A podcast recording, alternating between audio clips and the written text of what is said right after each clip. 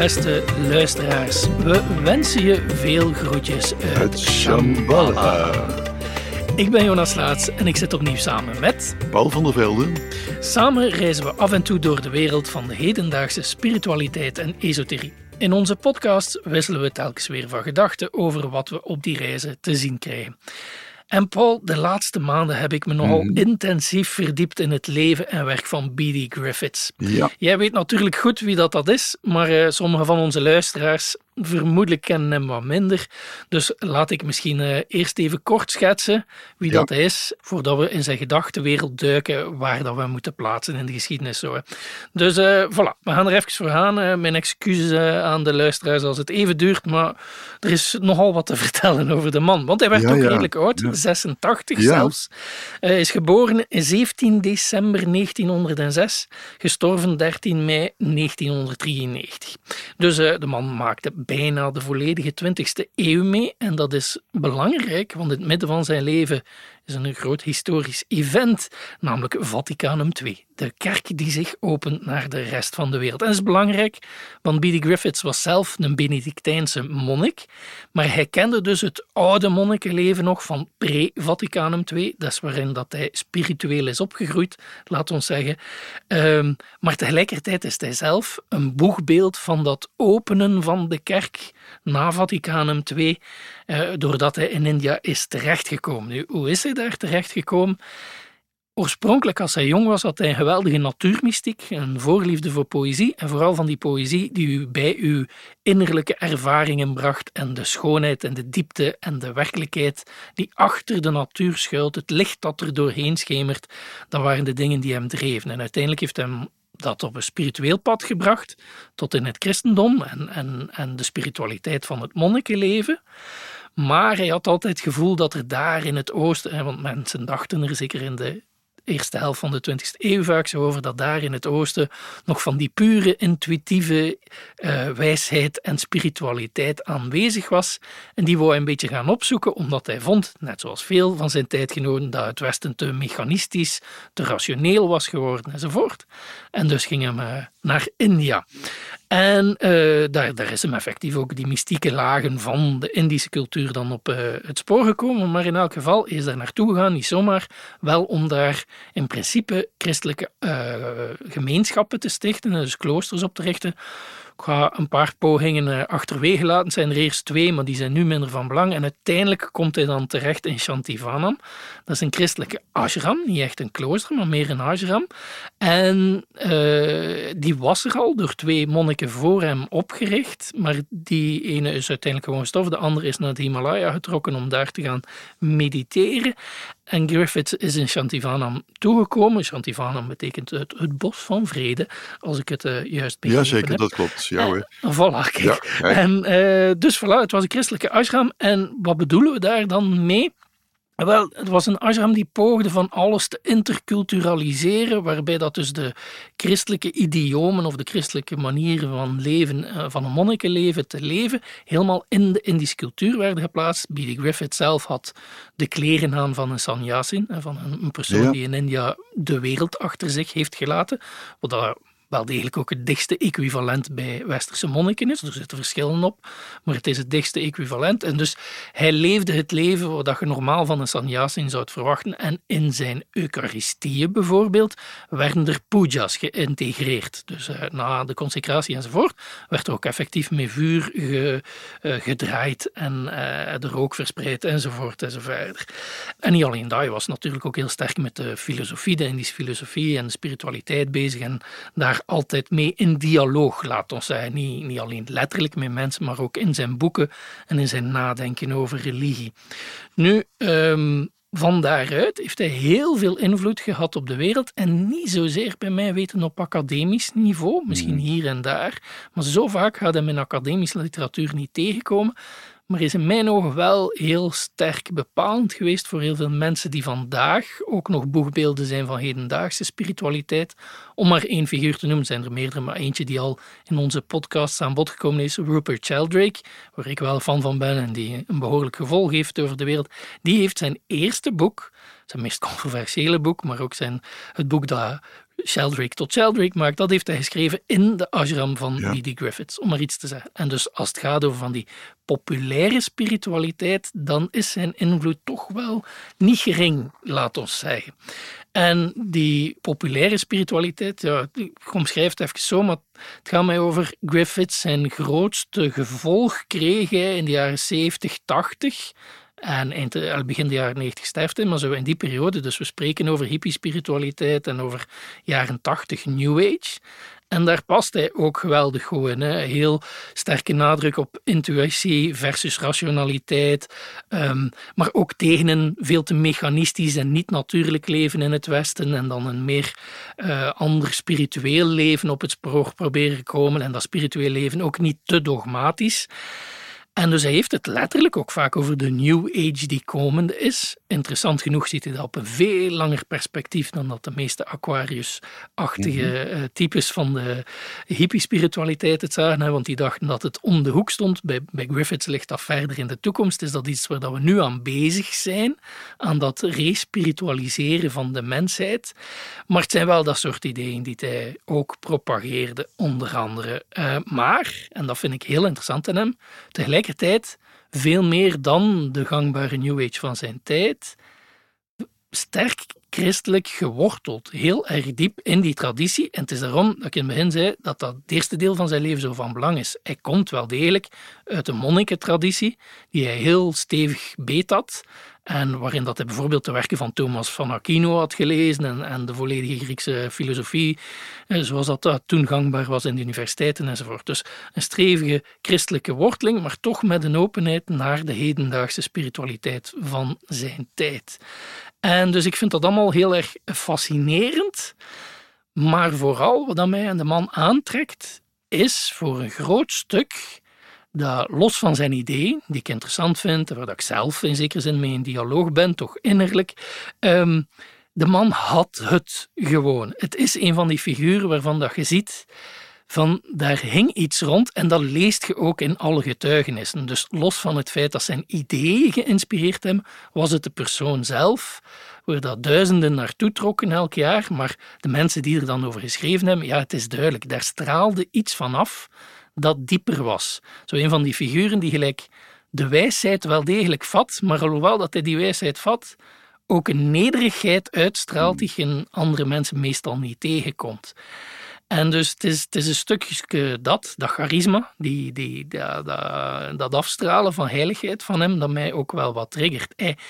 Hij had ideeën, dat is één ding, maar hij leefde ook echt zijn spiritualiteit op een heel ander niveau. Allee, daar wordt er toch van gezegd. En ik vind dat je dat kunt zien in de YouTube-filmpjes die nog bestaan, hè, oude documentaires die gemaakt zijn uh, eind jaren tachtig.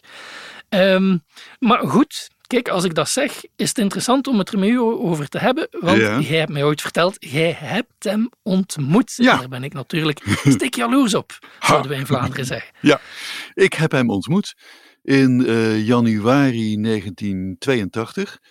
Ik was toen uh, de tweede keer in India. En ik ben toen met name naar twee gebieden geweest. Uh, Orissa, dus heet nu Odisha, en Tamil Nadu. En ik ben, in Odisha ben ik bij verschillende stammen geweest. Hè. Veel van die stammen zijn de Adivasis, hebben bekeerd tot, veel daarvan zijn tot christendom bekeerd.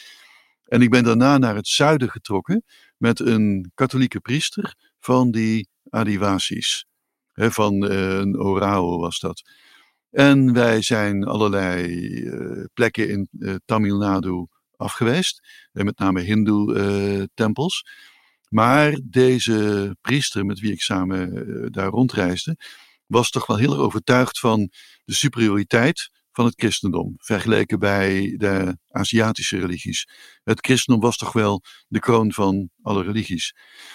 En uh, met hem ben ik toen in uh, Shantivanam beland.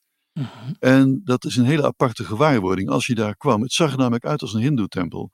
Dus als je het, het, het geba de gebouwen zelf ziet, het is gebouwd zoals een hindoe-tempel. Het is heel kleurrijk. Um, dus, dus, dus zoals die hindoe-tempels dan zijn, hè, de buitenkant staat een muur omheen en zo. En op die muren zitten beesten, daaraan zie je al wat voor tempel het is. Staat een stier bij Shiva, een pauw bij de god Murugan en zo je komt dichter bij die tempel en dan is zo'n tempel helemaal overdekt met godenfiguren. Hij is helemaal bewoond. Hij is beleefd. Dat is in Shantiwanam precies zo. Dus dat voelde ontzettend vertrouwd. Dan kwam je dichterbij en dan zag je, wacht even, die hele uh, tempel, dit hele heiligdom zit vol met christelijke figuren. Hij had dus helemaal, ja, bij wijze van spreken, het, het Hindoe-programma overgenomen, maar ingevuld met christelijke figuren. Nou, ik werd daar dus, we liepen daar rond. Ik kwam daar een priester tegen uit Utrecht, die ook heel diep bezig was met christendom en yoga. En op een bepaald moment werd ik naar een kleine ruimte, daar kwam ik binnen. En daar zat, daar zat een man. Hij zat op de grond, op zijn hurken, gekleed in een eenvoudig, vaalrood, oranje kleed. Hij had dus die baard en dat lange witte haar zoals hij altijd op de foto staat. En uh, ja, daar zat wel iemand. Het is inderdaad, zoals jij net schetst, de uitstraling van de man was gewoon enorm. En dat was los van woorden. Het was er gewoon. Het is inderdaad, dit, was echt zo'n man. What you see is what you get. Hè? Klinkt het wat mhm. eigen tijds misschien. Maar uh, dit was een, complete, een compleet universum op zich. Zo zou ik het kunnen omschrijven. Het was een complete wereld die je daar zag. En nou goed, die positie in het christendom, van het christendom in India was in die tijd al heel controversieel, heel ingewikkeld, heel veel gedoe over. Maar uh, deze man belichaamde iets wat, ja, je moest wel heel blind zijn om dat niet te herkennen. Je, je, je, je, zag dat, je voelde dat. Ik heb er een paar meer van die mensen in de loop der jaren ontmoet, maar dit, dit was zo iemand waarbij je merkt, ja, hier klopt alles. Hier klopt echt alles. Nou, die priester die bij mij was, die, eh, van die Adiwasi-stam, die was er helemaal niet blij mee. Want uh, toen wij daar waren, uh, het, het, was er vrij druk. Het was op een zondag, dus allerlei Indiërs waren daar. En dat zijn echt lang niet allemaal christenen. Dat zijn hindoes, dat zijn moslims. Die kwamen daar kijken. Die kwamen daar die sfeer genieten, die, die man zien. Hè, het ritueel van de darshana, het zien van zo'n belangwekkend persoon. Wat in India altijd onvoorstelbaar wezenlijk is. Je moet die persoon zien. Je moet oogcontact met die man hebben dat is, de, eh, zoals wordt gezegd, drinken met de ogen. Daar wordt een darshana mee vergeleken. Dat voltrok zich. En de man was daar, zat daar. Uh, zei niet eens zo heel veel, maar dat hoefde ook helemaal niet. Het er zijn was genoeg. Maar goed, de priester met wie ik daar was, die zei ja. Nou komen deze Indiërs wel, maar die gaan zich echt niet bekeren. Want daar ging het om, hè, bekering. Christen worden, dat was de bedoeling. Die, die in Orissa, hebben te maken met een vrij agressieve missionering. Dat was zowel van mm. katholieke huizen uit als door Pinksterkerken, et cetera. Dus bekering, daar ging het om. Hè, uh, dopen, bekeren.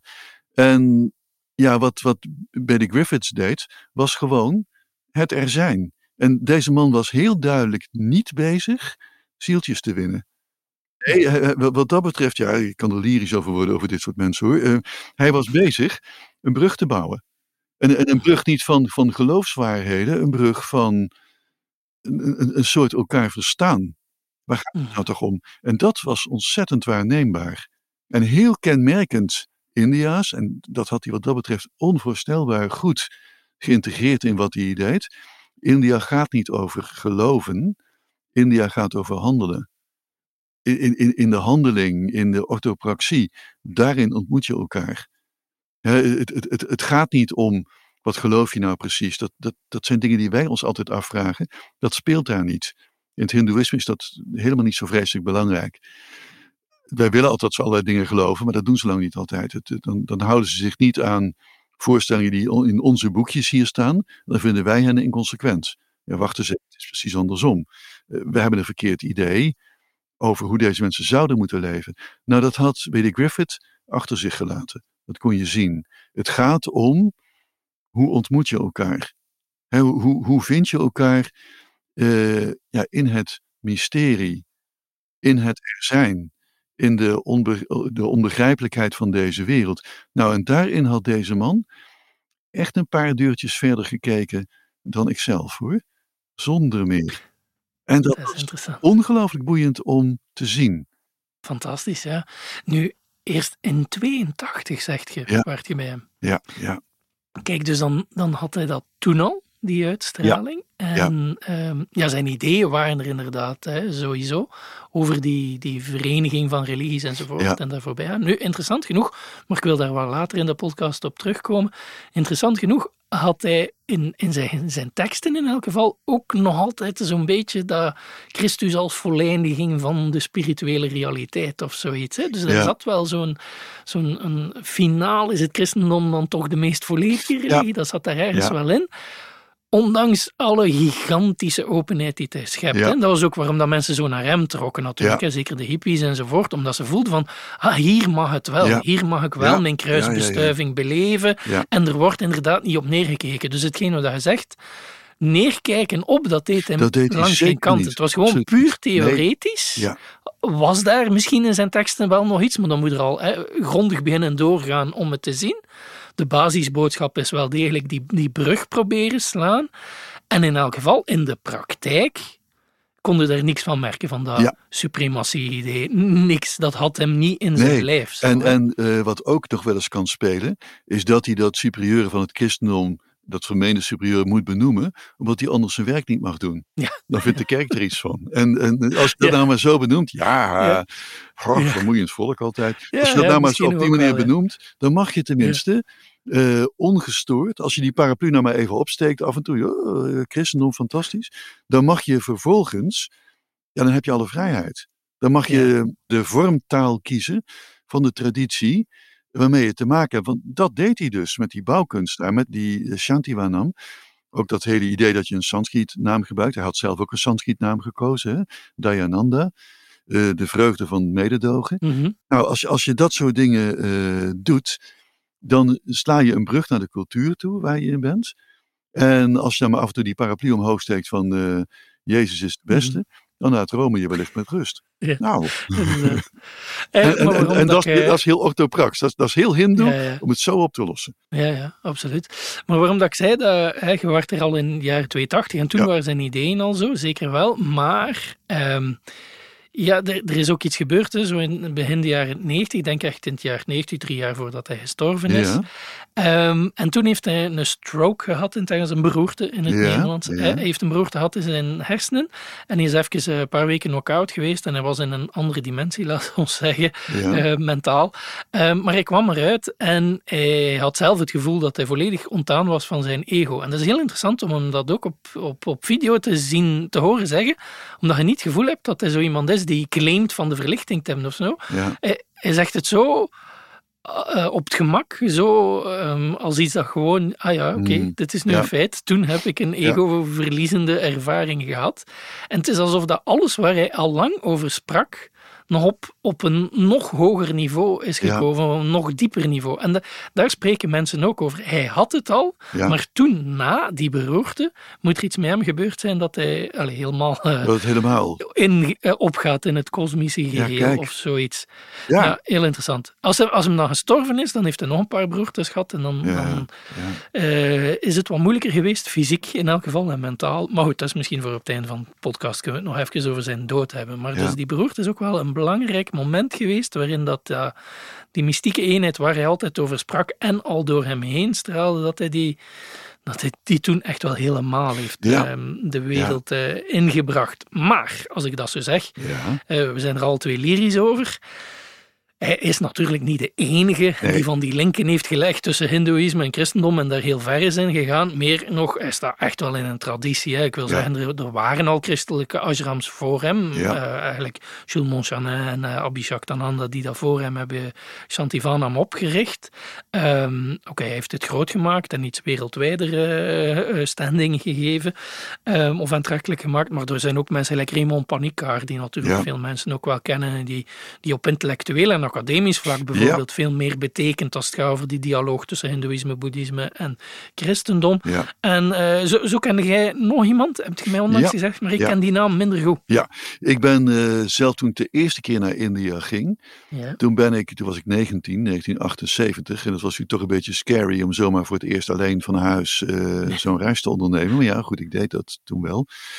En toen ben ik beland in uh, Mumbai, Mhm. in uh, Gyan Ashram. Mhm. En Gyan Ashram, Jnana Ashrama, de ashram van de, van de kennis, hè, van de Jnana. En dat was een instituut opgericht door, uh, door pater uh, Georg Prox. Mhm. En dat was iemand van de SVD. En de SVD, dat was een, uh, een vrij intellectuele orde. De Societas Verbi Divini. die, die, ze hebben hier in Nederland een groot centrum, de Missionarissen van Stijl. Het is een Duitse orde, eigenlijk, maar je kunt ze een beetje vergelijken met de Jezuïeten. Mhm. Dus een hele diepe filosofische verdieping speelde een grote rol. En mijn oude middelbare school, het Sint Willibord Gymnasium in Deurne in Brabant, dat was van de SVD. Dat was van Paters SVD. Dus via mijn school ben ik toen uh, naar Mumbai gegaan. En ik heb daar deze uh, Georg Prox ontmoet. En waar uh, Bede Griffith heeft gekozen voor een weg van meditatie, een weg van mystiek, een weg van esthetica in de vorm van het gebouw, hè, de architectuur al daar, heeft Georg Prox toen de tijd gekozen voor theater en drama, dansdrama's. Dus uh, het Hindoeïsme kent uh, enorme dansdrama's. De Raas Lila's rond de god Krishna, de Ram Lila's rond de god Rama. Dat zijn gigantische festivals jaarlijks. Het Krishna Lila wordt trouwens het hele jaar door opgevoerd in Brendaban zelf, waar Krishna groot geworden zijn, maar ook in hele andere delen van India. En daar heeft uh, Georg Prox heel erg naar gekeken. En toen bedacht, wil ik een dialoog aangaan? En nou ja, toen hij dus in India belandde, speelde missionering en bekering wel degelijk nog een behoorlijke rol. Mhm. Dan moet ik niet uh, met doctrines gaan beginnen. Ik moet de vorm kiezen die de cultuur zelf gebruikt om mensen te betrekken bij het mythologische drama. En dat gebeurt daadwerkelijk bij die Lila-festivals, Raaslila en Ramalila. Iedereen kent het verhaal al lang maar raakt meegesleept in het verhaal, raakt in een soort esthetische vervoering, esthetische ervaring, waardoor iedereen die de juiste tekens van het drama verstaat, deelnemer wordt. Je blijft geen buitenstaander. Nou, deze dansdrama's heeft hij toen omgevormd naar christelijke thema's. En uh, hij had een hele groep van muzici, dus jonge muzici en dansers, danseressen in die Gyan Ashram. Nou, die oefenden iedere dag met dansleraren, met muziekleraren, die dan van elders kwamen. En dat waren gewoon hindoes of moslims, dat hoefde helemaal geen christenen te zijn. En op basis daarvan uh, liet hij choreografieën maken, waarmee hij dus het land in ging. En dat werkte. En dat werkte niet in de betekenis van dat men zich bekeerde, want daar waren deze mensen helemaal niet meer op uit. Dat moest van Rome misschien wel, maar daar waren ze echt niet op uit. Nee, ze waren inderdaad bezig met ja, het bruggen bouwen, dialogen opzetten, uh, omdat je elkaar kunt bereiken in praktijk. En je kunt elkaar bereiken in esthetica, in vormgeving. En dan ontstaat er een dialoog die misschien niet in doctrines te grijpen is, maar zich wel degelijk voltrekt. Een dialoog in woorden is er maar één. Je kunt veel meer vormen van dialogen uh, vinden in een esthetische gebarentaal, in een danstaal, in een declamatie of zo. En daar waren deze mensen mee bezig. Mhm. Nou, uh, ook uh, Prox is inmiddels overleden. Hij is in 86 overleden, dus iets eerder dan Griffith. En die, dat werk in die ashram wordt wel voortgezet, maar ik ben daar al een aantal decennia inmiddels niet meer geweest. Ik kom nu op andere plekken in India. Maar kijk maar eens op internet wat ze aan het doen zijn. Inmiddels zijn er een aantal andere leraren werkzaam daar. Maar bijvoorbeeld Bharatanatyam, dus de klassieke dans die afgeleid van de klassieke Indiaanse tempeldansen, daar hebben ze complete christelijke choreografieën op gemaakt. Op die manier is er in India nauwelijks iemand die bezwaar maakt ja, tegen die keuze. Terwijl soms hoor je dan ideologische mensen weer zeggen, maar dat gebeurt dan weer eigenlijk weer door, door witte mensen. Dat is toe-eigening. Mm. Cultural appropriation. En dat is natuurlijk een heel ijl iets. Want ja, um, de overgang van de tempels naar de Bharatanatyam is in feite ook een vorm van appropriation geweest van de hogere kasten van die dansen van de lagere kasten. Nou, is het appropriation of is het elkaar bereiken via? Dat is, een, dat is een heel ijl vlak. Hè? Dat, dat is heel lastig, omdat Absoluut. Ook als je het uit elkaar gaat trekken, dan, dan, dan wordt het extreem. Mhm. En uh, ja, dan sta je op een tegenover elkaar met een wel eens niet eens discussie. Ja, het is dat. En het is de vraag of dat boeiend is. Hè? En het, het negeert ook gewoon dat culturen altijd vermengd hebben geweest. Uh, allee, altijd met elkaar hebben vermengd. En uh, ja, oké, dat gaat met machtsverhoudingen gepaard en dat is niet altijd fijn. En, en dus ja, als, als degene die veel macht heeft dan nog een keer rijker wordt door een cultureel element van iemand anders over te nemen, ja, dan is dat niet vrij. maar dat is wel wat dat de geschiedenis altijd heeft gedaan. Want ik moet bij uw verhaal moet ik ik ook geweldig denken aan Kawali, omdat daarvan altijd gezegd wordt dat de geschiedenis daarvan is dat dat ontstaan is omdat moslims die in India kwamen ook de Indische muziek hebben overgenomen als een middel om hun, uh, ja. ja zijn het dan niet, hè, maar de gezangen van in Banjans stijl bijna te brengen en, en zo mensen wel te bereiken met islamitische thema's. Dus ja, dat is al heel de geschiedenis lang gebeurd, hè, dat soort dialoog inderdaad en dat soort zoeken naar bruggen. Hè. En dat is inderdaad interessant, want in mijn lezen van Griffiths ben ik dan ook een keer naar kritieken gaan zoeken. En een van de dingen die je dan kon vinden was een heel erg uitgekiend artikel over hoe dat hij en zijn voorgangers, eh, Abhishek Tananda en, en Jules Monchanin, hoe dat die um, eigenlijk erop uit waren van stiekem wel te gaan bekeren. En dan helemaal door al die teksten gekant en compleet gedeconstrueerd. En ziet je die zin en die zin en die zin. En toont dan niet dat ze er eigenlijk op uit waren om dan mensen binnen te halen uiteindelijk toch in het christendom. En dan denkt je, ja, dat kan misschien zo wel in eerste instantie geweest zijn. Zeker bij de eerste oprichter van Chantivana. Mm Als je daardoor de tekst had van Jules Monchanin, maar ja, we spreken de jaren 30, 40. Ja, die man was wel degelijk dan nog van plan. En Abhishek Tananda, uh, Henri Lussou was zijn oorspronkelijke naam, hij ook. Maar het interessante aan die man is dat hij op het einde van zijn leven het allemaal achterwege heeft gelaten, naar de Himalayas is getrokken en dat er van dat christelijke nog bijzonder weinig overblijft. En als je dan naar Griffiths kijkt, zelfs als het zijn idee zou geweest zijn, wat ik niet geloof, wat je daarnet mm. ook hebt beschreven, maar zelfs als het dat idee zou geweest zijn, ja, dan is het toch bijzonder slecht gelukt. Want als er iets gebeurd is door Griffiths, dan is het net dat christenen veel meer in Advaita-termen gaan denken zijn en veel meer in Hindoe-termen gaan denken zijn dan omgekeerd. Dus als er al iets gebeurd is, is het eerder een Hindoologiseren van sommige christelijke spiritualiteit dan iets anders. Um, dus ja, ja. het is interessant hoe dat, hoe dat die cultural appropriation zo'n term is die het inderdaad zo moeilijk maakt en waar je soms denkt van, maar kijk nu een keer naar de realiteit, wat gebeurt er nu echt? En, en niet iedereen is daar vanuit een machtsperspectief daarom slecht mee bezig. Sommige mensen bedoelen het gewoon heel erg goed van ik ben mee aan het verdiepen in een andere cultuur en ik probeer die mee op te nemen in de mijne. Waarom niet? Ja. Ja, maar als ik het daarover heb, eigenlijk wou, wou, ik dat een beetje het centrale thema van de, van de podcast vandaag maken. Want dus, hè, zo intens met zijn teksten bezig geweest, verschillende boeken gelezen. Maar ik kwam bij sommige concepten toch wel iedere keer met wat vraagstukken, die ergens daar ook wel over gaan. Griffiths heeft een duidelijke visie. En dus heeft zo zijn kernconcepten, die hij een christelijke invulling heeft, maar die wel uit hindoe-terminologie komen vaak. En waarvan dat ik mij soms wel afvroeg van, heb je hier nu je heel eigen interpretatie gemaakt, doordat je heel terecht is, ja, en je mocht dat uiteraard doen, of heb je uh, wel degelijk ook Hindoe-concepten in hun traditionele manier van ernaar te kijken, als dat al bestaat. Er zijn meestal meerdere manieren. Maar goed, ik wil gewoon zo'n paar van die termen eruit nemen en een keer met u aftoetsen. Ja. Eerst van wat zijn ze, in de traditie gesproken, en dan een keer te kijken naar zijn visie eh, en dan te zien van, is hem nu hier echt wel een stap te ver gegaan? Of, of blijft hij eigenlijk netjes nog binnen de grenzen van Binnen de eh, lijntjes kleuren, ja, ja, ja. ja zoiets. Ehm, dus uh, voilà, we gaan gewoon beginnen met uh, wat zijn meest basic concept is en wat ook de naam is van de ashram zelf. Hij staat in Shanti van naam, de Forest of Peace, maar je noemt eigenlijk de Satchitananda ashram. En dus Satchitananda. Eerst misschien een keer uitleggen voor onze luisteraars. Wat, wat is het concept Wat is Satchitananda? Uh, Satchitananda is heel erg verbonden uh, tegenwoordig met de Vedanta-filosofie. En uh, Satchitananda, dat zou uh, de kenmerken zijn van de Atman, van de verlichte ziel, het verlichte zelf. Hè? Atman betekent letterlijk zelf. De Atman is onderdeel van het Brahman. Brahman is een kracht, een, god, een soort goddelijke kracht die door het hele universum heen zit. De Atman is daarvan vervreemd.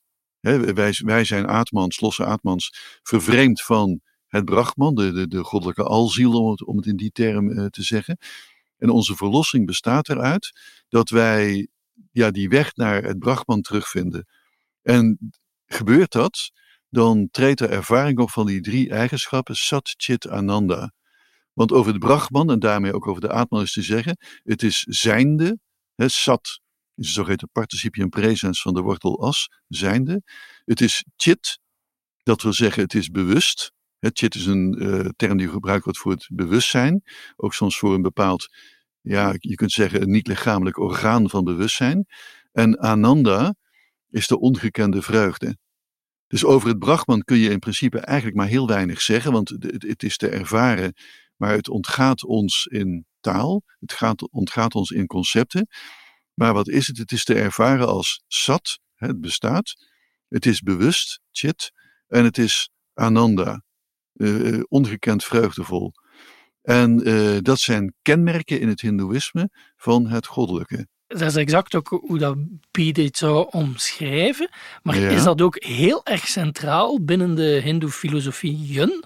Of is dat, je kunt dat in sommige teksten wel een keer tegenkomen en het feit dat hij dat zo centraal gesteld heeft, dat is dan zijn, zijn eigen aanpak? Of, of is dat effectief ook wel iets dat de gemiddelde ja. Hindoe zegt, ja, ja, ja.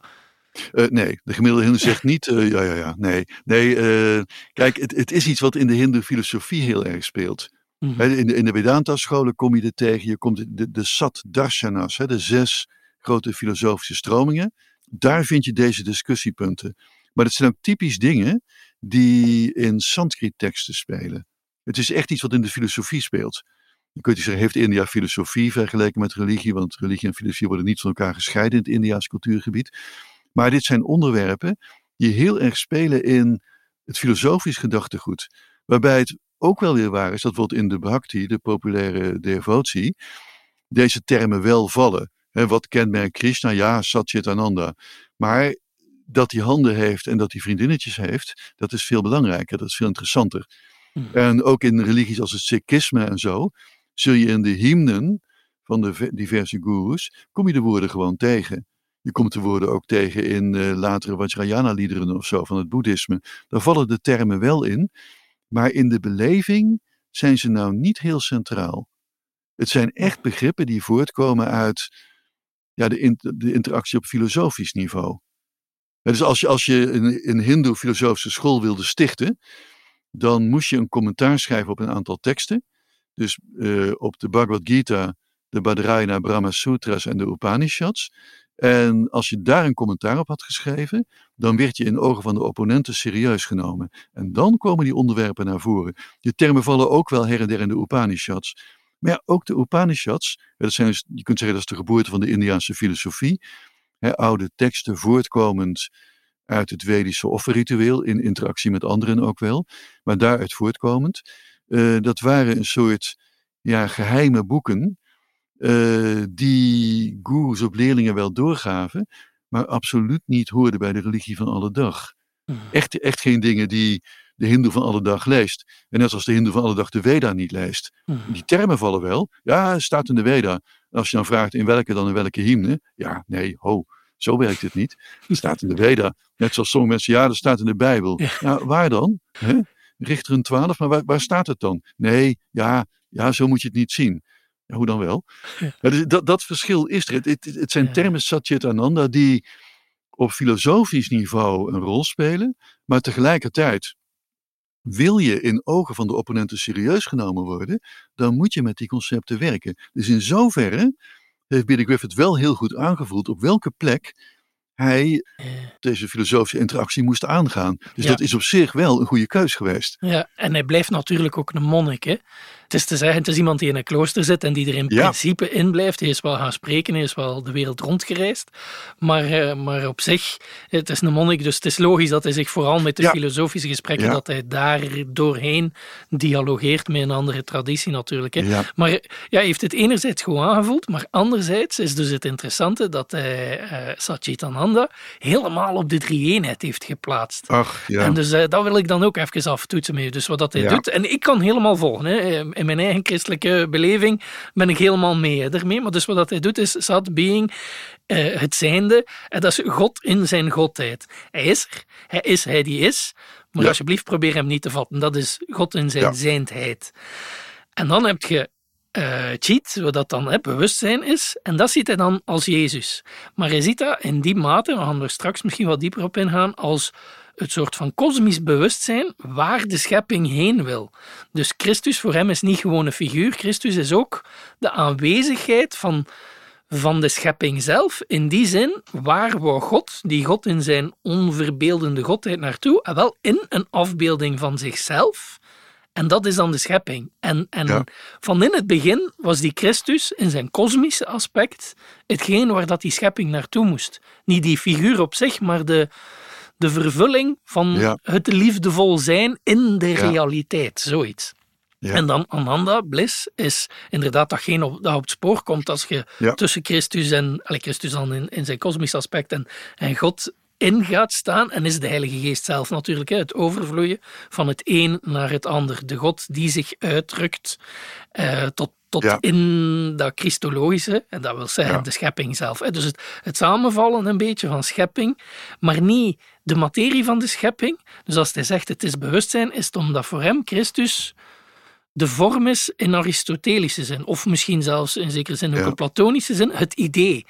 Dus hij bedoelt vorm als datgene waar dat materie naartoe getrokken wordt. Ja. Tot in zijn vorm. Maar hij bedoelt niet vorm als datgene dat we kunnen vastpakken. Nee, nee. Dat is materie. En dat is voor hem meer een soort middel. En dus interessant genoeg ziet hij dan ook die een Ananda, die een bliss, dat is voor hem die een dynamiek van de Heilige Geest.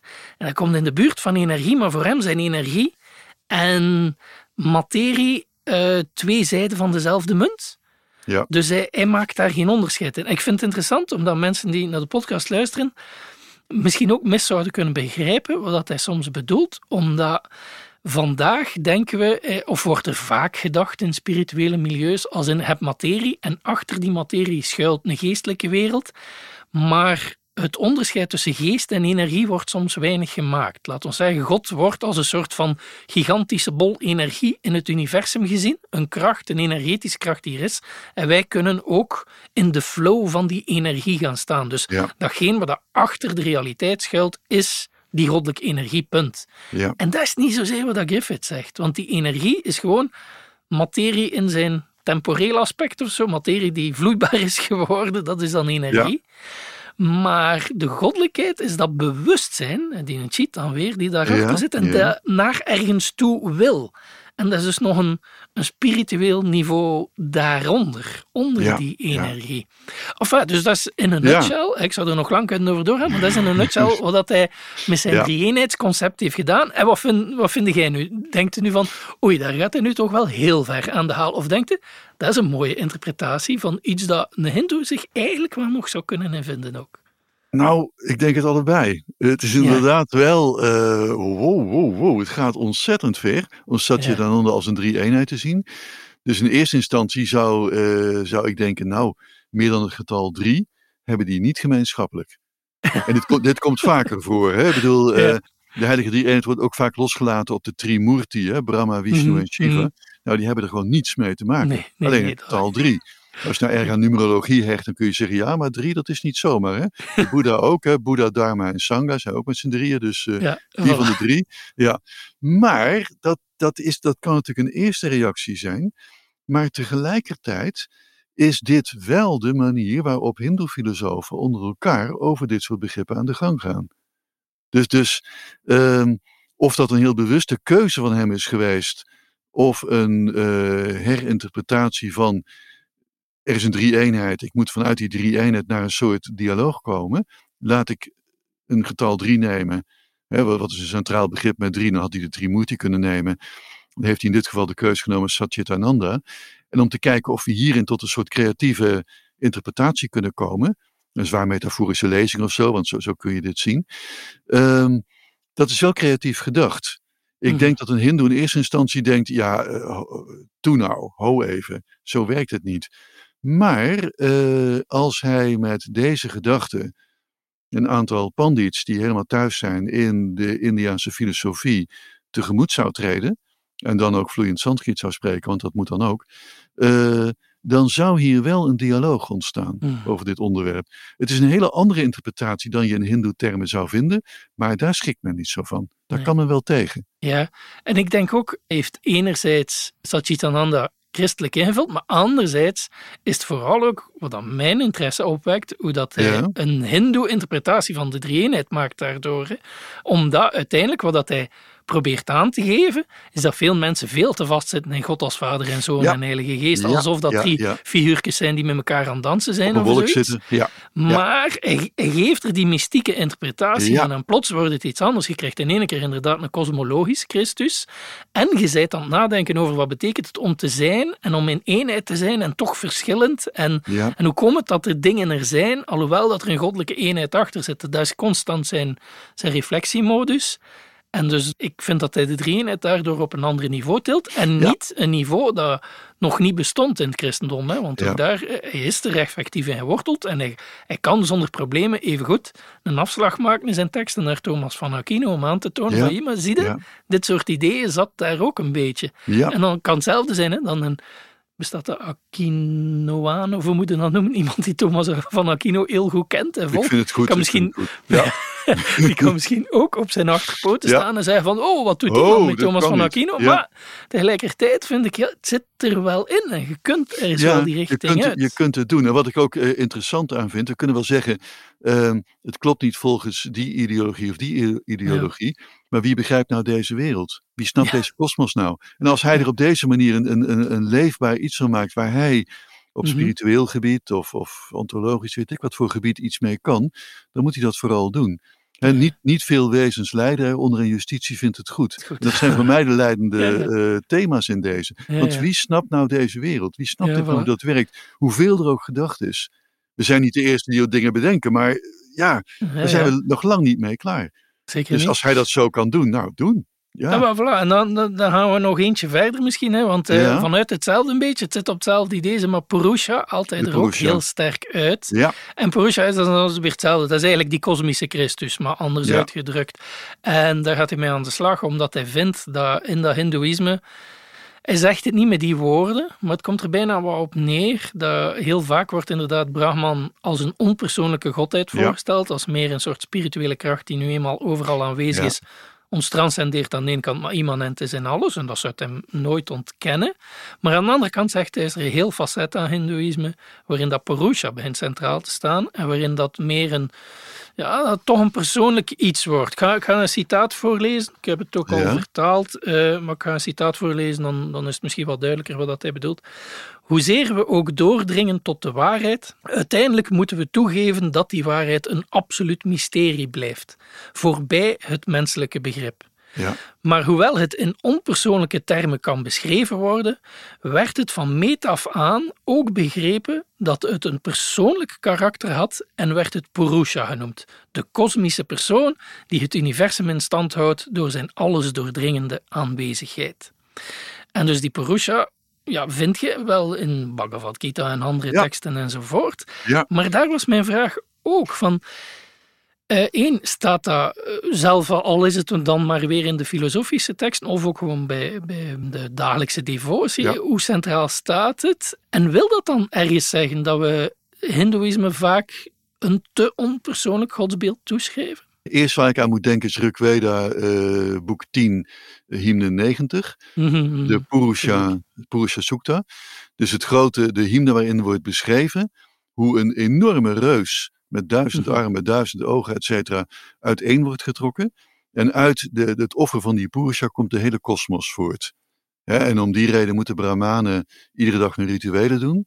Omdat de lichaamsdelen van die, eh, van die reus op zich wel sterk zijn. Maar de gewrichten zijn zwak. Dat zijn de zwakke punten. Ochtendschemering, de avondschemering. Eh, daar moeten de Brahmanen hun rituelen uitvoeren, want dan blijft die kosmos één. Dat, dat, Mhm. dat is het eerste wat je bij Purusha aan denkt. Dan gaat Purusha inderdaad betekenen de goddelijke vonk in het universum, de goddelijke vonk in, ja, in, in, in onze wereld. En dan denk ik met name in eerste instantie aan de Sankhya Yoga filosofie, waarin sprake is van een, eerst van een monisme, dat wordt al heel snel een dualisme, de Purusha en de Prakriti. En de Purusha Mhm. wordt vaak als mannelijk gezien, de Prakriti als vrouwelijk. De Prakriti ontwikkelt zich, vindt een enorme evolutie plaats tot allerlei principes. En de Prakriti gaat een dans uitvoeren. En de Purusha is in principe helemaal inactief. Die heeft, eh, het enige wat je kunt zeggen misschien is Satchitananda, maar heeft nauwelijks bewustzijn hè, buiten zichzelf. En eh, de Purusha heeft de neiging zich gelijk te stellen met de dans, gelijk te stellen aan de dans van de Prakriti. En dan wordt in de tekst ook altijd gezegd dat deze vergelijking niet helemaal goed gaat, omdat kijken naar een dans een activiteit is. Terwijl de Purusha helemaal inactief is. Maar de Purusha kijkt naar de dans. Dus eh, weliswaar doet hij dat niet actief, maar neemt de dans waar. Vereenzelvigt zich met de dans en dat is de wereld waarin wij zitten. Dus eigenlijk zit binnen ons een verlichte vonk, de Purusha. Maar eh, door die enorme dans identificeren we ons nu met Jonas, met Paul, met de wereld om ons heen. En dat is eigenlijk de grote illusie, dat is de sluier van Maya. Maar zodra de Purusha begrijpt dat hij niet de dans is, dat is het moment van de verlossing. En dan blijft dus een, ja, een soort uh, geheel verlichte, onpersoonlijke ziel over. Nou, die kan eventueel Satchitananda zijn, maar draagt verder geen eigenschappen in zich. Dat is het idee. Maar Purusha valt in uh, Bhakti-tekst. Ik ben nou op het moment bezig met een uh, serie heilige verhalen uit de 16e, 17e eeuw. Nou, daar valt Purusha als naam voor de god Krishna. Krishna heet heel vaak de Purushottama, de hoogste mens. De tempel in Puri, hè, van uh, Jagannath Puri.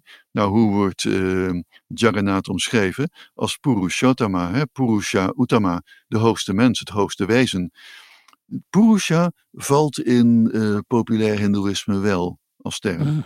Die valt heel vaak. Ja, dus de term is op zich echt wel een koppeling tussen effectief dat Brahman-concept eh, van eh, Brahman Atman, de, de vonk die overal in aanwezig is, maar anderzijds hebben ze zowel in Rigveda als in populair hindoeïsme Purusha als persoon, als kosmische ja. persoon, uh, zeker als het dan over Krishna gaat, als hij de, de hoogste mens is, dan, dan wil dat ook zeggen de, de mens die alle mensen overstijgt en, en die het geheel omarmt, bij wijze van spreken.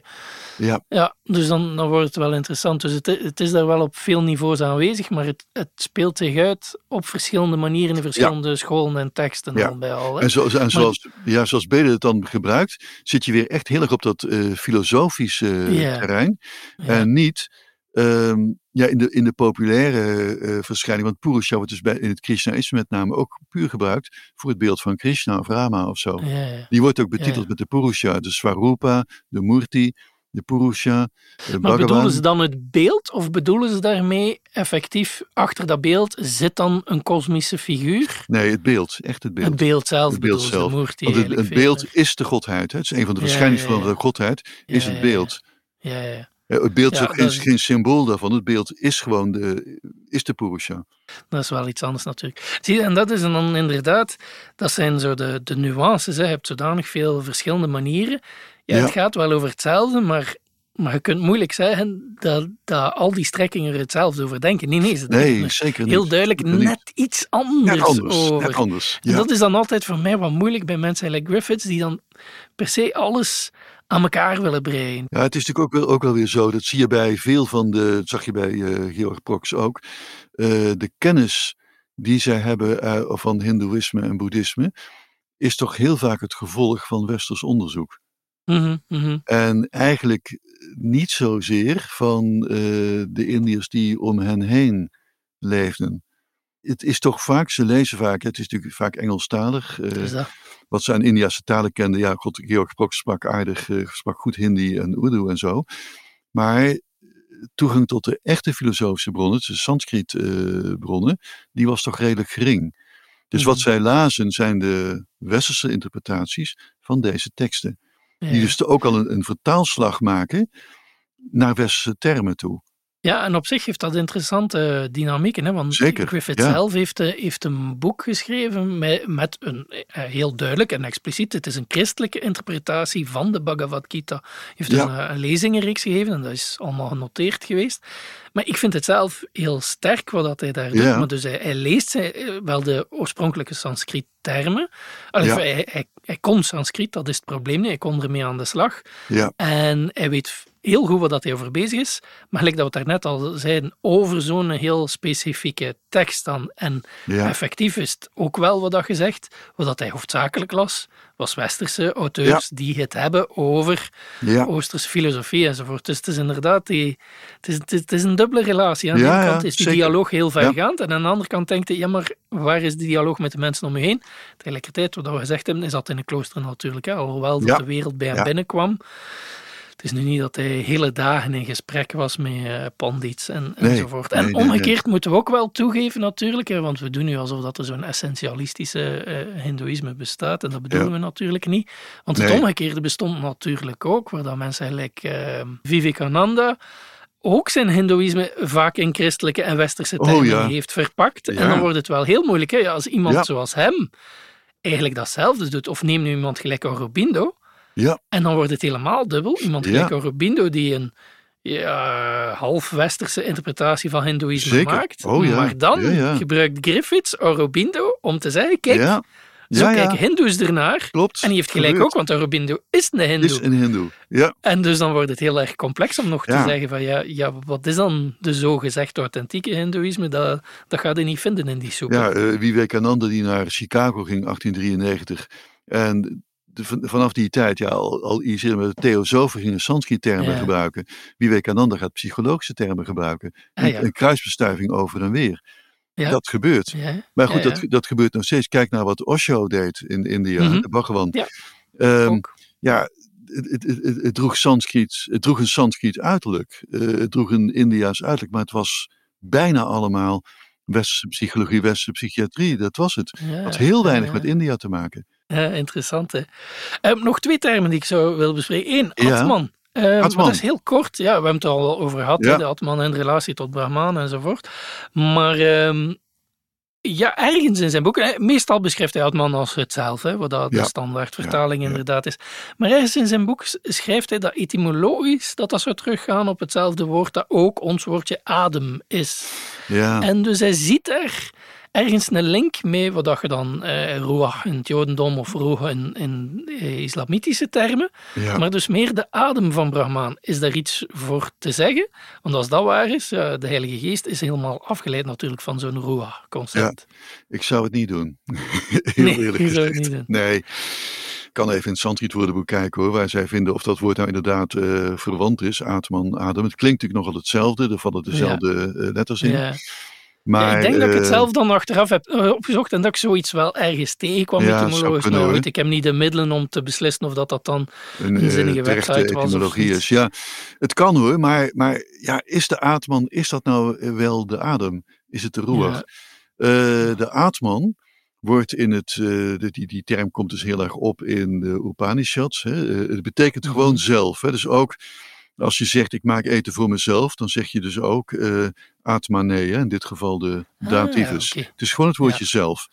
En mensen vragen dan vaak, is dat zelf met een hoofdletter of niet? Het Sanskriet kent geen hoofdletters. Dat zit er gewoon niet in. En eh, het, is, het betekent gewoon zelf. En het is de term geworden voor ziel. Van de Atman wordt altijd gezegd dat dat de goddelijke kern is, die leven na leven na leven doormaakt. Het lichaam, dat staat Ja. in de Bhagavad Gita zo, is de aankleding van de Atman. Het is ook het concept waar de Boeddha dus forse afstand van neemt met an-atman, hè? an-atta. Een atman is een proces, maar geen onveranderlijk iets. Daar neemt de Boeddha juist radicaal afstand van. De atman is de meest uitgeklede ziel denkbaar. Dus onze atmans zijn allemaal aan elkaar gelijk. Die dragen geen persoonlijke eh, kenmerken. Hoewel niet alle filosofische scholen dat delen. En Nyaya Vaisheshika denkt er wel eens wat anders over. Die zegt de atmans zijn echt van elkaar gescheiden. Anders zouden we elkaars herinnering ook hebben en zo. Mhm. Nou, eh, de Atman is de meest uitgeklede ziel denkbaar. Dus die is niet persoonlijk. Er is geen ziel Paul van der Velde. En sorry Jonas, ook geen ziel Jonas Slaats. Jammer, maar Ja, jammer. Ik had het je zo gegund. Maar ja, nee, er zit een grens hier. Hè? En die is er niet. Nee, wij delen die Atman, maar die hebben de dieren ook. En volgens sommige richtingen hebben we planten die ook. Soms zelfs dat stenen die ook zouden hebben. En waterpartijen en zo. En die maakt leven na leven na leven door. En die Atman is eigenlijk eh, ja, is dus een volledig uitgeklede ziel. Het is de goddelijke vonk. Hij wordt begeleid door karma. Hè, karma van het, van het vorige leven van een wezen. Dat creëert de vorm, dat creëert het lichaam, et cetera, de condities. Maar eh, het is de weg terug. Die Atman moet de weg terugvinden naar het goddelijke. Maar eh, dat moet het lichaam, de geest, et cetera, die moeten dat eigenlijk doen. Die Atman ja, heeft geen besef. Ja, eh, al- als hij besef heeft, dat, heeft, is dat besef dat hij eigenlijk Satchitananda is. Maar die Mhm. weg is behoorlijk kwijt. Hè, ehm, maar hij zoekt wel, hij of zij zoekt wel, die weg ja, naar het Brahman toe. Maar de Atman, kun je zeggen, is de goddelijke vonk die uh, leven na leven na leven doormaakt. De filosoof Shankara, hè, die de stichter is van de Uttara Vedanta eh, school, van hem wordt altijd gezegd dat hij eigenlijk een soort crypto-boeddhist was. Hij heeft eh, de boeddhistische Sangha overgenomen. Maar één zeer belangrijke doctrine die hij ingebracht heeft, hij heeft een eind gemaakt aan dat An-Atman gedachtegoed. Dus dat, dat er geen ziel zou zijn, dat een ziel een proces is, per moment ontstaat en vergaat. Nee, Mhm. zegt Shankara, de Atman is eeuwig. En zoekt dus vereniging met het Brahman, hè, de druppel die de oceaan zoekt. Wat moet je doen om een druppel eh, niet te laten Mhm. opdrogen? Je moet hem in de oceaan gooien. De druppel verandert, de oceaan verandert ook door deze versmelting. Dat is ook hoe dat B.D. Griffiths er zou over spreken, hoor. Misschien met andere termen soms hier en daar. Ja. Maar en, eh, eigenlijk beschrijft hij dat soort processen. Dus het was maar ergens dat hij daar een keer naar verwees. Ehm, maar ik vroeg het mij dus af of dat, dat er in oorsprong in zat. Maar dus zelfs als het etymologisch ooit verwant is geweest met het woord Ja. Joradum, dan is er geen hindoe die daar nu nog de link Zeker of het niet. verband mee nee, ziet. nee, nee, nee, nee, Nee, oké, ja. Dus eh, dat, dat zou dan wel weer een stap te ver zijn. Eh, maar zoals ik zeg, ja, op zich gaat hij er zo mee verder hoor. Maar Ja. dat brengt ons ook een beetje tot nirvana, want we hebben het net vernoemd hè, in boeddhisme, Anatman, eigenlijk is er geen zelf als is in een proces. En daar vind ik Griffith soms ook zo in zijn poging om de eenheid in religies te zien, te willen zien. Wat Ja. hem enerzijds zo mooi maakt en zo'n overstijgende figuur. En anderzijds wringt Ja. hij er misschien wat concepten in. Want dan, dan kom je natuurlijk bij dat boeddhisme aan nirvana en sunyata enzovoort. En nirvana Ja. het uitgeblazen zijn letterlijk. Sunyata de leegte. de leegte. Ja, en dat blijft eh, op zich het boeddhisme een filosofische strekking waarin dat juist die volheidservaring, die in zoveel mystiek gezocht wordt, op zijn minst woordelijk achterwege blijft. Nee, Ja. nee, op het einde van de rit is er alleen maar leegte. Ja. Dat is een beetje de standaard, eh, standaard visie. Maar dus Griffith, Griffiths ja, heeft zelf ook zo'n negatieve theologie met momenten. Dus af en toe gaat het over het donker en die abyss, hoe noemt dat, de afgrond, waar dat je moet inspringen en dan zijt je je ego kwijt. En als je dat ego helemaal loslaat, ja, dat is een schrikwekkend iets. Dus je staat dan voor het donker. Wat ben ik dan nog als ik dat ego loslaat? Ja, dan ben ik niks niet meer. Maar je moet daardoor, je moet naar die donker. En dan komt het om die volledige mystieke ervaring van Satchitananda op het spoor te komen. En dus daar. Koppelt hij uiteindelijk iedere keer, als het dan over boeddhisme gaat, ja, je hebt sunyata, je hebt nirvana, maar dat is de soort de achterkant van het kijken naar hetzelfde fenomeen. En dat vroeg ik mij nu af.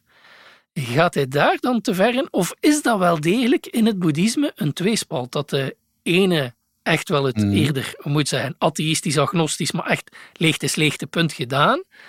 En dat er misschien andere strekkingen zijn die wel degelijk die leegte op een negatief theologisch manier aanpakken en dat dus zien als leegte vanuit ons perspectief, maar daarachter zit wel een goddelijke volheid of zoiets. Eh, nee. Nee, voilà, die, die bestaan niet. Dus die, nee. die spanning die is er eigenlijk niet. Nee, eigenlijk niet. Nirvana, die wortel wa is Indo-Europees verwant aan ons woordje waaien, hè, het uitwaaien Mm, van de vuren van de passies. Want onze zintuigen staan in brand en eh, verbinden ons daarom continu met eh, verkeerde keuzes. En we leven in Mhm. een staat van onwetendheid. Onze zintuigen staan in brand. Onze zintuigenimpressies werken niet. En eh, onze zintuigen identificeren zich met de Dhamma, hè, de ervaring, om het maar even zo eh, praktisch te vertalen, mm, waar ze bij hoort. Het oog wil zien, het oor wil horen, de neus wil ruiken, de huid wil voelen, et cetera. Dat gebeurt ongelooflijk snel achter elkaar. En geen van die ervaringen voldoet. Geen van die ervaringen eh, doet het. En dat stuurt ons steeds verder aan. Dat gaat zo hard dat onze zintuigen in brand staan. Dus we hebben het niet door. Maar wij bevinden ons op dit moment in een tornado van impressies. Een kosmische oerstorm van impressies. En het is juist onze illusie dat wij nu menen daarin rust te zien. Want die is er helemaal niet. Dat komt omdat gelukkig onze mindset niet al die Dhamma-ervaringen tegelijk kan waarnemen. Zou dat gebeuren, dan vertrekken zich miljarden impressies tegelijk. Nou, dat overleef je niet. Dat gaat niet. mhm. We ervaren ze one by one. Hebben dat niet door omdat het zo snel gaat. Maar onze zintuigen staan daarom in brand. Eh, de Boeddha legt ook uit in de, in de vuursutta, hè, de. En de zintuigen moeten gedoofd worden. De zintuigimpressies moeten gedoofd worden. De passie daarin moet weg. Daarom heet het ook nirvana, uitdoving. Hmm. En de shunyata, de leegte, is geen ding op zich. Shunyata is een kenmerk van dingen. De fenomenen blijken leeg te zijn. Maar de leegte zelf is geen ding. Uh, anders, uh, dat, dat, wordt ook wel gezegd, uh, dat verwijten de Yogacara-boeddhisten later aan de Madhyamika-filosofen van het boeddhisme. Ja, we hebben nu echt een stammenstrijd hoor. De Madhyamikas zijn met die shunyata bezig, de volging van Nagarjuna. En dan zeggen dus die Yogacara-mensen, die we Sangha Vasubandhu volgen, jullie zien de shunyata als iets essentieels. De shunyata wordt wedergeboren. En dan zeggen dus de shunyata-aanhangers, nee, juist niet. Uh, wedergeboorte blijkt even leeg te zijn als ieder fenomeen. He, een lege emmer is een emmer, maar die heeft als kenmerk leegte. Dat die leeg is. Maar leegte op zich bestaat niet los van dingen die leeg zijn. Mm. En er is geen leegte los van dingen die leeg zijn. Dat gaat niet anders. Anders ja, het zijn vaak woordspelletjes hoor, die, die filosofische Mm. diepe gedachten wat dat betreft. Maar die shunyata wordt niet ingevuld. Het is geen essentie van dingen, want dan zeg ik iets essentieels en dat mag nou net niet. Dat, dat is hetgene wat de Shunyata-aanhang nou net probeert te vermijden. Het is geen leegte die met iets ingevuld kan worden. Het is een kenmerk van de fenomenen. Waardoor ze, je kunt niet zeggen er niet zijn, ook die zeggen er wel zijn, maar zich continu bevinden in een stadium van zijn en niet zijn. En wat ik nou zie, wat Griffith doet, is dat hij eigenlijk zo'n term uit, uit het boeddhisme dan oppikt en daar toch een heel specifieke inkleuring in geeft. Je zou hiermee zonder meer met boeddhisten in debat kunnen gaan. Dat zou kunnen. Maar ja, dat kan, dat Mhm. kan met al die termen. En dat, dit zie je net als met Satchitananda. Het is heel creatief eh, gevonden. Maar als hij bij mij tentamen boeddhisme zou doen en hij zou die omschrijving geven van nirvana. Hmm, ik geloof niet dat ik dan Nee. eh, een Nee. erg hoog punt zou geven voor Nee. eh, deze vraag. Ik zou de creativiteit zeker weten te waarderen. Nou, zeker omdat ik de man natuurlijk meegemaakt heb. Mm. Maar goed, dat staat los van de tentamenvraag. Maar ik zou dat geen, eh, nee, ik zou dat geen, geen gepaste vergelijking vinden eigenlijk. Nee, dat is interessant. Hè? Dus dan heeft hij eh, ja, zo'n soort Johannes van het Kruisachtige, de donkere Ja. nacht, eh, Ja, de meteen geplaatst eh, ja. daarop. Hè? Zo echt die christelijke negatieve theologie die allee, al lang voor Johannes van het Kruis bestond en ook bij de woestijnvader sterk aanwezig was enzovoort. Hè? Dus het is logisch dat hij vanuit een, een lange traditie het zo invult voor zichzelf. En, en gelijk dat zegt, is creatief en, en dat mag natuurlijk. Van geïnspireerd te geraken door Oh, andere zonder concepten meer en ze mee op te nemen. Maar ik vind het, er- wat ik er zelf interessant aan vind, is dat. Ja, dat was ook mijn gevoel, hetgeen dat je nu beschrijft van hm, hier gaat hij wat ver, Ja. omdat hij zelf het een beetje voorstelt als eh, authentiek boeddhisme of zoiets. Ja, Maar Ja. tegelijkertijd denk ik ook wel dat de manier waarop dat hij het invult, de gemiddelde westerse boeddhist, bij gebrek aan betere woorden, laten we zeggen mensen die in het westen met boeddhisme vaak bezig zijn, mijn gevoel is dat ze dat vaak op een B.D. Griffiths manier invullen. bijzonder Maar ze, ze kunnen het woordje God niet meer gebruiken, hè, want dat, Ja. dat hoort niet in God geloven, zo gezegd. Maar de manier waarop dat ze over boeddhisme spreken, Ja, is wel vaak helemaal niet om die finale halve Wel, nihilistische nee. leegte op het spoor te komen. Nee. nee, nee, om daar ergens in een bewustzijnservaring te komen die kosmisch en universeel is. En ze zullen die woord niet gebruiken, maar of dat nu mindfulness is of wat dan ook. Mindful nee, van wat dan? Wat ervaarde het nu? Het nu, dat is, dat is het woord. Hè. Helemaal in het nu gaan zitten. Maar dan nu, de manier waarop dan daarover spreekt, is een mystieke eenheidservaring.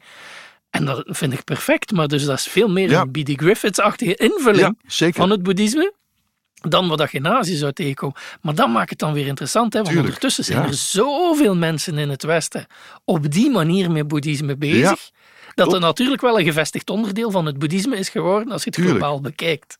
Ja, klopt, is zo. En kijk, en, en nogmaals, justitie vindt het goed en niemand lijdt Ja, eronder. Nou, wat is het probleem als mensen met deze, hiermee kunnen leven, met deze filosofische invulling doen? Dat is helemaal niet Ja. erg. Dat is zo vaak gebeurd in, in de geschiedenis van Azië.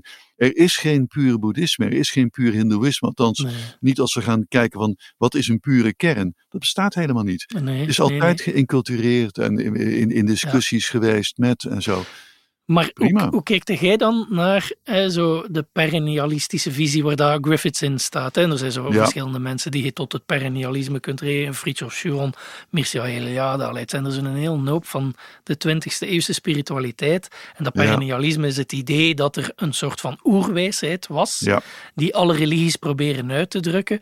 En dat je die op het spoor kunt komen in de teksten en in de beleving van mensen. En dat iedereen er zo wat zijn ding en interpretatie heeft meegemaakt, maar dat er een soort van oerspirituele kern in zit. En die komt dan vaak neer op, eh, er is een goddelijke aanwezigheid. Eh, eigenlijk een beetje South Chitananda, hè, is eh, een being dat zich uitdrukt in de wereld, vaak gepaard met een soort enerzijds Advaita denken, hè, dat, dat de werkelijkheid is één, ja, en die eenheid drukt zich in de veelheid uit. En dus krijg je ook een soort neoplatoons emanatie denken. ja, Opnieuw met wat schakeringen, maar het komt daarop neer. Die, die eenheid achter alles, die drukt zich uit doorheen de veelheid. En wanneer dat je in de veelheid zit en die eenheid weer op het spoor komt, dan komt in een soort gelukzaligheid terecht Ja. die de meeste mensen niet kennen.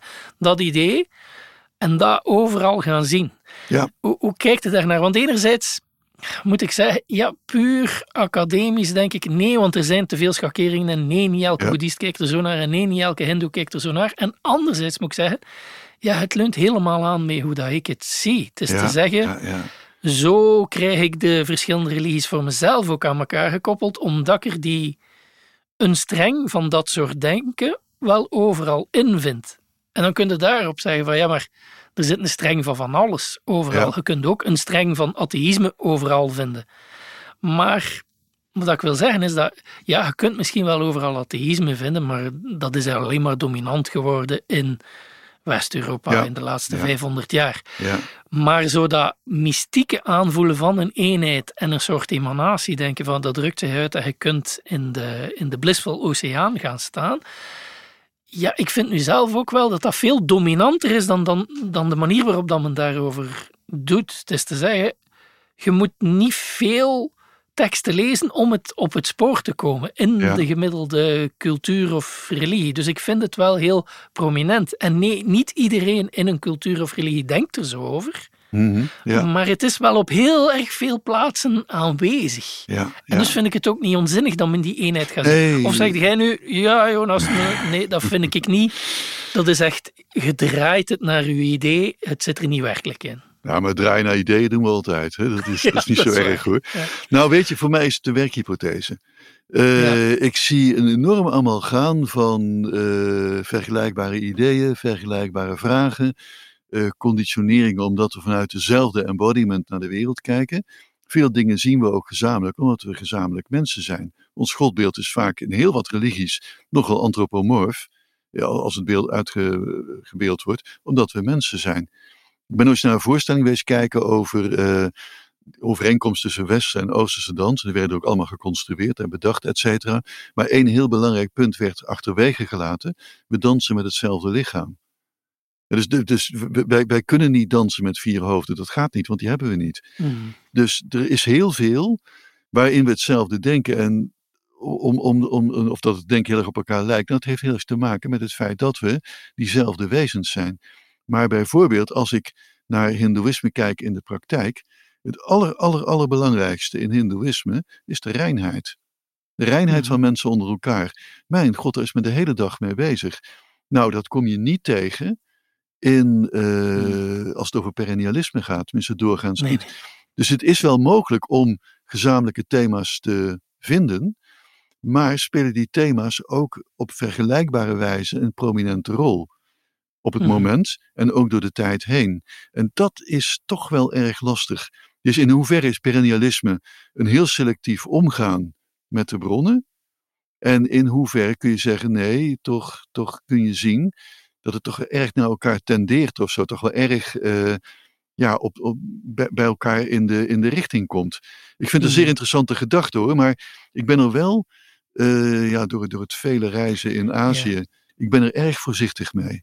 Maar het blijft een, een, een soort werkhypothese, want je komt het heel vaak Ja. tegen. En men, Ja, ja. en men ontmoet elkaar op die vragen ook. Hè? De dialoog is ook zo interessant aan de hand daarvan. Dus ik ben absoluut niet iemand die zegt: het is absolute onzin. Maar ik schaar me er ook niet meteen zonder meer achter. Nee. Zeker ook omdat we denken in die vijf wereldreligies, wat we dan tegenwoordig doen. Ja, is de 19e eeuw. Hè? Dat is kolonialisme Mhm, ten mhm. top. Tuurlijk. Hindoeïsme en boeddhisme Ja. bestaan in feite, ja, die bestaan wel Ja, in allerlei vormen, maar als, als bindende term zijn die door Westelingen Mhm. bedacht. En dat, dat is Nee, nee, koloniaal, maar, nou, maar daarmee zijn ze er intussen wel. Hè.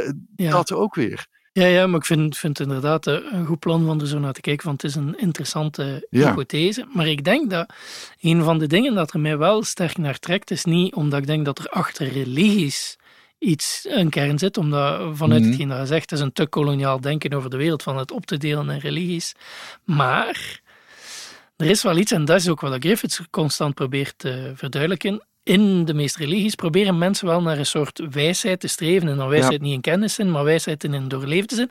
En dan komen we weer op Griffiths als persoon. En dat is dan wel iets wat Ja. ik gewoon vaststel. Van al kunnen er misschien eh, ideologische of, of eh, hoe moet dat zijn, filosofische andere interpretaties zijn. De keren dat ik die figuren tegenkom, Ja. zoals hij was, Ja en die enkele keren dat ik zo Ja. iemand ben tegengekomen, en er zijn er niet veel, maar dat is van verschillende religies. En die stralen wel eenzelfde genre iets uit. En het lijkt mij dus alsof dat die door hun Ja. bestaan bewijzen van, jawel, er is daar wel eenzelfde eindpunt. Terwijl je deze woorden uitspreekt, verschijnt er hier aan het firmament een prachtige regenboog. Nou ja, Fantastisch. Dat is een teken. dat een- kan dat is niet zomaar, zijn? dat is een teken hoor. Een geweldige regenboog zomaar. kan het anders zijn? Dat is een teken. Maar je, maar je hebt daar volkomen gelijk in. Af en toe kom je iemand tegen waarbij je gewoon weet, jij, jij ziet echt een paar deuren verder dan ik. Jij hebt toegang tot een wereld en jij belichaamt dat. Mhm. En ik ben op zo'n moment zelden de enige die dat ziet. Er zijn meer Mhm. mensen die dat zien. Meestal is, er zijn er wat meer mensen bij. Die ervaren dat. En of dat dan denken, voelen of hart of hoofd of weet ik wat is. eh, totaal oninteressant. Het Nee, voltrekt nee, zich, het inderdaad. gebeurt. Ja. En dat is onvoorstelbaar boeiend. Ja, ja. En van, vanuit dat aspect, misschien nog eh, iets om stilletjes aan mee te gaan afronden. Ja, Ehm, ja, we zijn al redelijk genuanceerd geweest over Griffiths. Ja. En, en, en ik ben er fan van en ik kan in, in 80% van wat hij schrijft helemaal mee. En dan 10% vind ik wel wankel. En dan die andere Ja. 10% daar heb ik het lastig mee. En dus vaak over de dingen die hij niet schrijft. Eh, dus ik heb ook wel mijn kritische bedenkingen erbij. En een van die dingen is, ja, kolonialisme, dat komt in heel zijn teksten niet naar voren. Maar dat is dus waanzin voor iemand die eh, ja, eh, een helft van zijn leven in India heeft gesleten als Ja. Brit, ja. als iemand van de UK en gewoon geen woord over kolonialisme. Ja. In his defense, hij is geweldige fan van Mahatma Gandhi en van Vinoba en heeft Vinoba nog ontmoet en, enzovoort en eh, die altijd gepromoot. Maar dus hoe, hoe slaagt je erin van over India te spreken en geen enkele referentie te maken aan, aan de koloniale periode voor de Ja. Allee, kleinigheid. Maar dat is typisch allee, voor zijn tijd ook. Hè. Ja. Hij is en Ja, blijft een kind van zijn tijd. Ja, het is daar dat ik naartoe wil. Hij mag een heilige figuur geweest zijn, maar heilige figuren zijn, zijn niet vrijgesteld van in een tijd te leven of zo. Nee, klopt. Het is niet omdat hij effectief een wijze was, dat hij daarom ook alle kennis of, of alles netjes op een rij heeft. En het gaat veel Nee, meer over ja. dat, dat ander facet zo. Hè. En, misschien moeten we daarmee afsluiten dan. Ehm zijnde dat, ik had in het begin van de podcast gezegd, op het einde van zijn leven hij heeft hij zijn eerste beroerte gehad en dan nog een ander niveau Ja. bereikt. En dan heeft hij nog twee beroertes gehad en die hebben zijn lichaam echt wel geen goed gedaan. Het is interessant aan de beschrijvingen van die periode, hoe dat hij blijkbaar in een soort limbo zat, waar dat hij ehm, heel sterk, soms heel lucide momenten kon hebben. Ja, en dan ja. straalde die heiligheid er weer door. En andere momenten waar dat hij in zak en as, zowel lichamelijk als mentaal, en dat hij van alles aan het uitroepen was en blijkbaar wartaal. Ja, ja, Maar ja. het is een beetje alsof dat, datgene waar dat hij altijd over bezig geweest is, namelijk die eenheid, en vanuit die eenheid ontstaat alles en, en die gigantische kosmische diversiteit, alsof dat die zich aan het afspelen was in zijn lichaam en in zijn geest. Ja. Alles op hetzelfde moment. Ja, Maar dan wel nog, eigenlijk dat ik zeg van die lucide momentjes, dat is misschien een mooi om mee te eindigen, dat er eh, naast hem gezeten werd. En maar op zijn sterfbed, iedereen wist dat. En ze waren Mhm. eh, teksten aan het lezen, onder andere het evangelie aan het voorlezen. En op een bepaald moment zit ze in het Johannes-evangelie en zegt er iemand... Er staan zinnetje dat Christus zegt, hè, Ja. bemint elkaar net zoals ik u heb bemind. En op dat moment, hij, hij ligt helemaal plat en hij stikt zijn vinger omhoog en hij zegt, da, dat is de samenvatting van de hele Bijbel. kijk. Mooi.